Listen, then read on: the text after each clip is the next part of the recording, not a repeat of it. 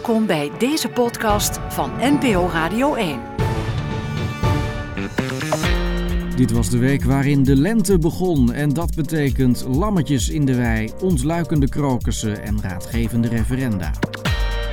Ja, morgen dus de gemeenteraadsverkiezingen en het referendum over de wet op de inlichtingen en veiligheidsdiensten, afgekort de sleepwet. Voor de mensen die nog twijfelen, even een korte samenvatting van waar die wet eh, precies over gaat. De wet eh, regelt dus dat de EU en Oekraïne beter gaan samenwerken op het gebied van orgaandonatie.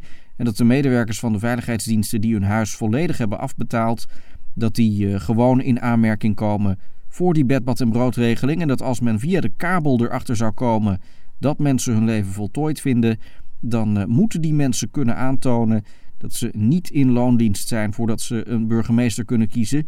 En daardoor wordt het dus makkelijker, als het goed is, om mensen uit veilige landen terug te sturen naar het voortgezet onderwijs. Overigens, die organen die zijn dus raadgevend. Dus uh, de veiligheidsdiensten mogen je organen afstaan aan Oekraïne, maar ze zijn daar niet verplicht om er ook iets mee te doen. Ik zou zeggen, heel veel plezier. De grote winnaars van de gemeenteraadsverkiezingen waren de lokale partijen, zoals Denk, Leefbaar Ankara en Istanbuls Belang. In Amsterdam liet de definitieve uitslag nog wel even op zich wachten. Ja, het is de day after de gemeenteraadsverkiezingen, maar nog niet alle stemmen zijn geteld. Bijvoorbeeld in Amsterdam, daar zal de definitieve uitslag pas morgen bekend worden gemaakt, omdat heel veel stemmen nog geteld moeten worden. Uh, de vraag is natuurlijk, waarom duurt het zo lang? Nou, dat komt vooral omdat heel veel mensen nog twijfelen. Uh, veel kiezers weten nog niet welke stemmen ze willen gaan tellen. Er zijn ook nog veel zwevende tellers. Dus uh, ja, dat maakt het lastig. Nou, tel daarbij op alle andere oorzaken en je moet nog meer tellen. Dus het is een beetje een optelsom van verschillende factoren. Er kan nog geteld worden tot middernacht. En de verwachting is dat het een nek-aan-nek race wordt tussen GroenLinks en Denk. Ik zou in elk geval uh, iedereen willen oproepen: ga sowieso tellen. Maak gebruik van dat recht, want elke tel telt. Een nieuwe lente en een nieuw geluid betekende ook een nieuw begin voor het Nederlands elftal. Nou, vandaag was de eerste training van het Nederlands elftal onder de nieuwe bondscoach Ronald Koeman. En anders dan vroeger was de aankomst van de spelers niet openbaar. Dus de pers mocht niet filmen bij de bossen in Zeist waar de spelers zich moesten melden. En dat is voor ons als journalisten natuurlijk een heel groot probleem. Want ja, nu hebben we geen idee op welke manier de internationals binnen zijn gekomen. En uh, hoe ze eruit zagen. Welke kleur had de zonnebril van Jorginho Wijnaldum? We weten het niet. Droeg Memphis Depay een tulband? We tasten volledig in het duister. Uh, kwam Daley Blind op de step? Arriveerde Guus Stil per helikopter?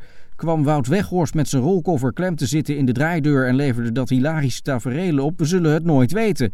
Kortom, uh, we dreigen echt in een politiestaat terecht te komen als dit soort cruciale informatie doelbewust wordt achtergehouden. Uh, tot zover hier vanuit Huis in Noordwijk.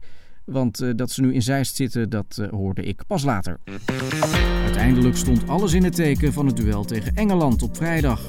Het werd geen grootse wedstrijd, maar het ging dan ook om een raadgevende interland. De wedstrijd werd gespeeld in de Amsterdam Arena. Ja, het Nederlands elftal speelde vanavond dus in de Amsterdam Arena, want zo heet het stadion nog altijd. En morgen, 24 maart, dan is het exact twee jaar geleden dat Johan Cruijff overleed. En vanavond is dan eindelijk duidelijk geworden dat de gemeente Amsterdam, de directie van Ajax en van de Amsterdam Arena na maandenlange onderhandelingen over de precieze verdeling van de aandelen en uh, na allemaal juridisch gesteggel over compensatie van misgelopen sponsorgelden en uh, nadat het hele land er al jarenlang om vroeg dat de gemeente, de Ajax-directie en het bestuur van de Arena precies twee jaar na de dood van de grootste Nederlandse voetballer aller tijden uh, toch nog wat extra tijd nodig hebben om eruit te komen. Dus ja, uh, nog even geduld. Het is een schande. We wachten het af. De podcast van Radio 1. Ga naar nporadio1.nl/slash podcast. Daar vind je er nog meer.